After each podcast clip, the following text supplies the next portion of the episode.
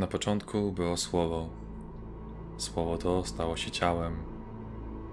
Ciało podzieliło się na dwie części: jasną oraz ciemną, dobrą oraz złą, czystą oraz zbrukaną, szczęśliwą oraz smutną. Jedna nie mogła istnieć bez drugiej, a druga bez pierwszej byli nierozłączni w swej przeciwnej naturze. Mężczyzna wszedł w czarnej opończy do karczmy. Wszędzie dookoła lał się alkohol, a przeróżne rozumne stwory tutejszego świata ogrywały popularne gry karciane, nie stroniąc przy tym od obelg czy rękoczynów. Podszedł do baru i zajął swe miejsce na siedzeniu. Co podać? Zapytał stwór wyglądającego na dwunożnego wilka. Zielone kaspi, tylko z lodem, bo mnie suszy. Barman zmrużył oczy, po czym sięgnął spod lady po starannie zwinięty dokument i szybkim gestem wręczył przybyszowi w dłoń. Ten spojrzał mu w oczy spod swego kaptura, odpowiadając mu z uśmiechem. Skoro formalności mamy za sobą, to nalej mi najlepsze, co masz w swoim składzie. Naprawdę mnie suszy. Lodową gini czy może grotla? Grotla, ale bez lodu.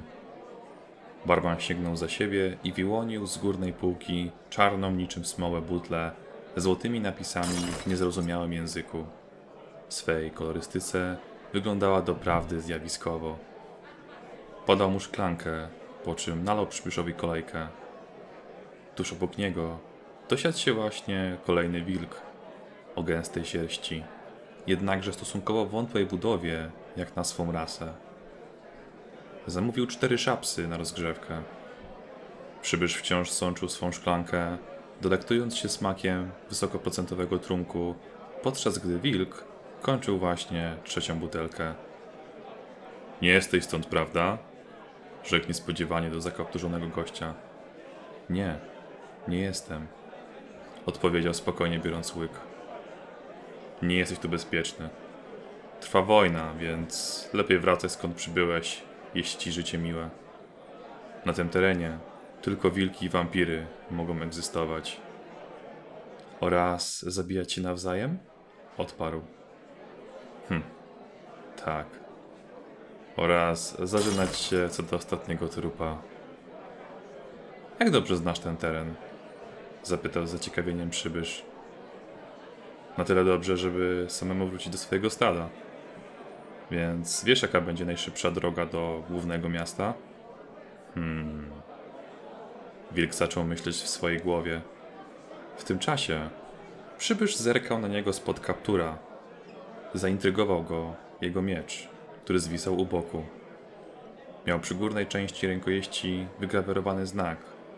Coś na kształt białej kropli z niewielką czarną kropką, wyglądającą niczym oko.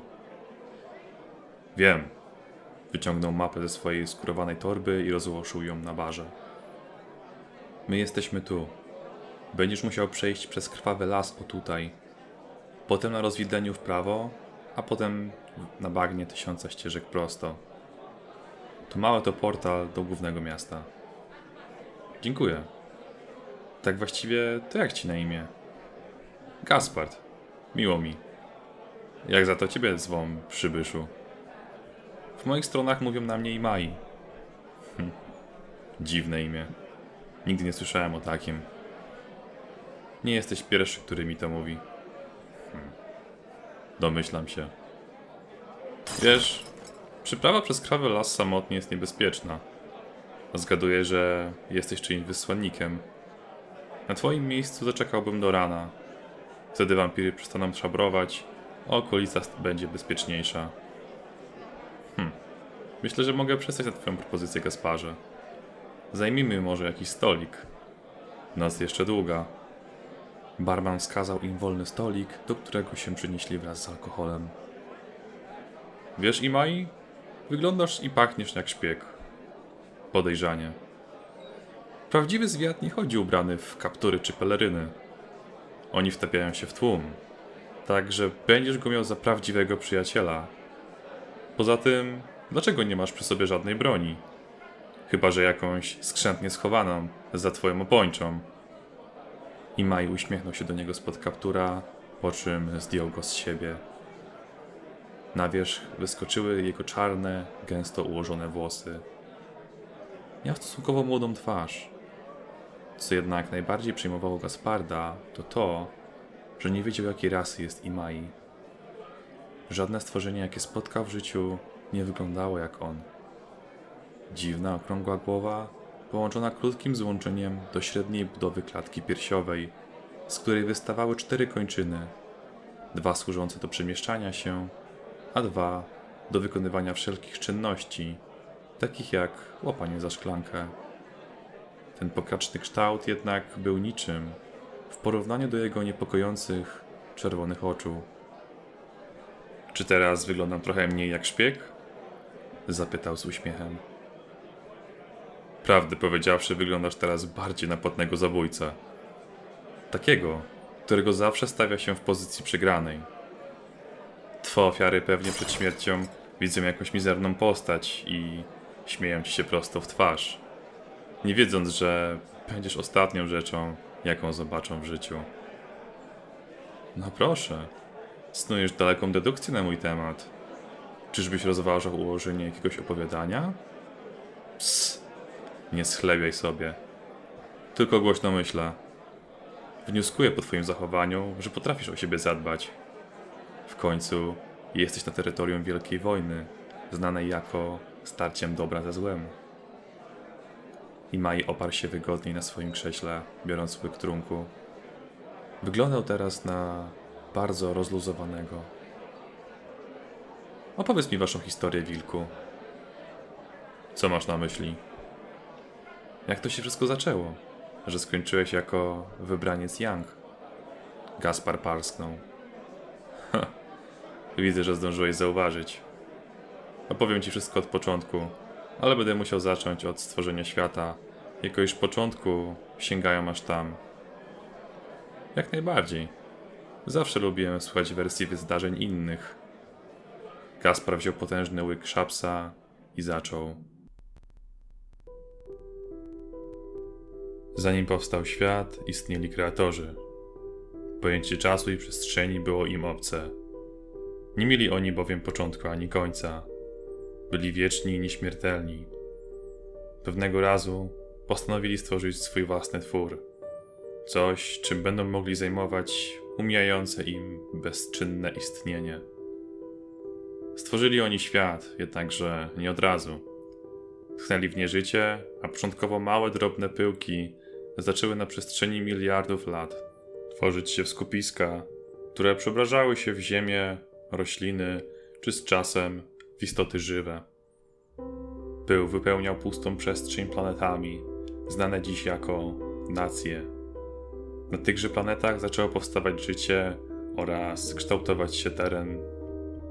Kreatorzy stworzyli uniwersum, które ciągle się rozprzestrzeniało, tworząc samoczynnie kolejne planety czy gwiazdy. Kreatorzy dbali o swój twór pod każdym możliwym względem. Ustanowili prawa rządzące światem oraz prowadzili obserwacje swojego dzieła i ustalali dalsze plany. Tchnęli życie, które zaczynało bić własnym sercem. Po latach świat był już na tyle duży i miał tyle obiektów, takich jak Słońca czy Księżyce, że kreatorzy nie mieli sił, aby zapanować nad wszystkim. Stworzyli więc nową siłę, która miała być ich reprezentacją w ich dziele bogów. Początkowo panowali oni tylko nad pojedynczymi światami, ale z biegiem lat kreatorzy dostrzegli większe możliwości, a zaczęli coraz bardziej oddawać swoje obowiązki bogom, a ci zyskiwali coraz większą władzę oraz potęgę. Pewnego dnia kreatorzy odkryli, że cywilizacje światów oddają cześć bogom, a nie im. Po wielu próbach negocjacji nie udało im się dojść do porozumienia, wręcz tylko nasiliły się antagonizmy, co doprowadziło do wielkiej wyniszczającej wojny, w ostatecznym starciu, kiedy to kreatorzy już mieli przegrać, najwyższy z kreatorów unicestwił wieczność oraz nieśmiertelność z tego świata, tym samym wymazując istnienie wszystkich istot, które posiadały te cechy. Gaspar wziął łyk gorzały. Tym samym bogowie i kreatorzy przestali istnieć. Nikt z żywych ich nigdy nie widział ani nie słyszał. O ile sami stwórcy zniknęli, o tyle pozostawili po sobie dziedzictwo w postaci artefaktów. Jednym z nich są niezniszczalne bliźniacze miecze Yin i Yang. Kiedy dwie strony konfliktu udadzą się wspólnie do jaskini wybrańców, obja- objawi się przed nimi miecz, który podzieli się na dwie części: dobrą oraz złą, sprawiedliwą oraz przebiegłą, wygraną oraz przegraną. Miecz ten jest nieomylny w swej decyzji. Zawsze wybiera stronę, która faktycznie prezentuje daną stronę konfliktu. Jeśli na ubitej ziemi te same strony się spotkają, a miecz się połączy, to znak, że konflikt został zażegnany, a wojna zostaje zakończona. No chyba, że ta druga strona zostanie całkowicie unicestwiona. Tak się złożyło, że spotkałem się tam z największym wrogiem naszej rasy, Marielem, najwyżej położonym wampirem. Musisz wiedzieć, że wilki i wampiry nigdy się nie lubiły.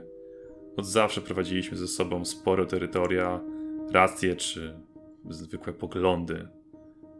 Odkąd Mariel doszedł do władzy, chciał zażegnać na zawsze te odwieczne walki.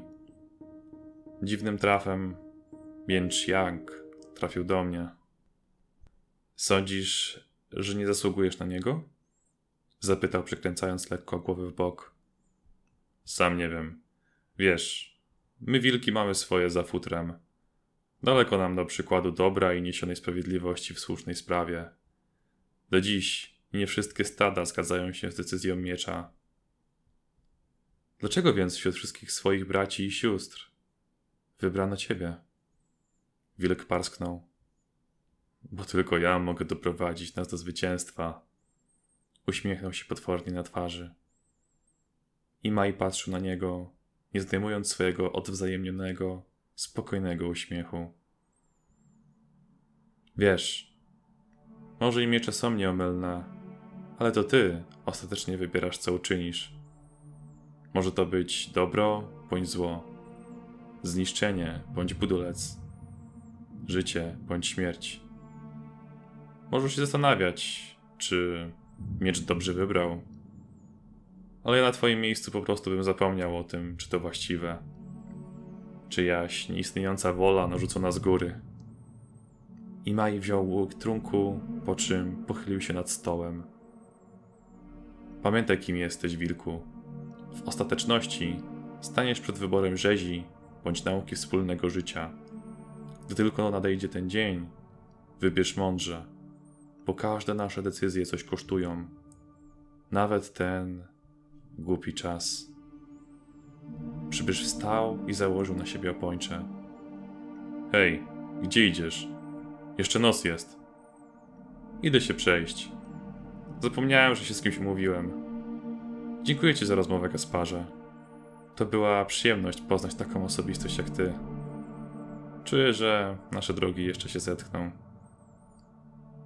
W drodze do wyjścia zostawił mieszek z monetami na barze, po czym wyszedł z karczmy. Gaspard zauważył, że zostawił na swoim siedzeniu starannie zwinięty dokument. Pobiegł przed karczmę, aby złapać go jeszcze, lecz jego już tam nie było. Jakby rozpłynął się w powietrzu. Wilk patrzył na zgubę. Ciekawość zawartości zżerała go od środka. W końcu nie wytrzymał i rozwinął supełek pergaminu. Spojrzał na dokument i nie mógł uwierzyć własnym oczom. To było zlecenie na jego zabójstwo.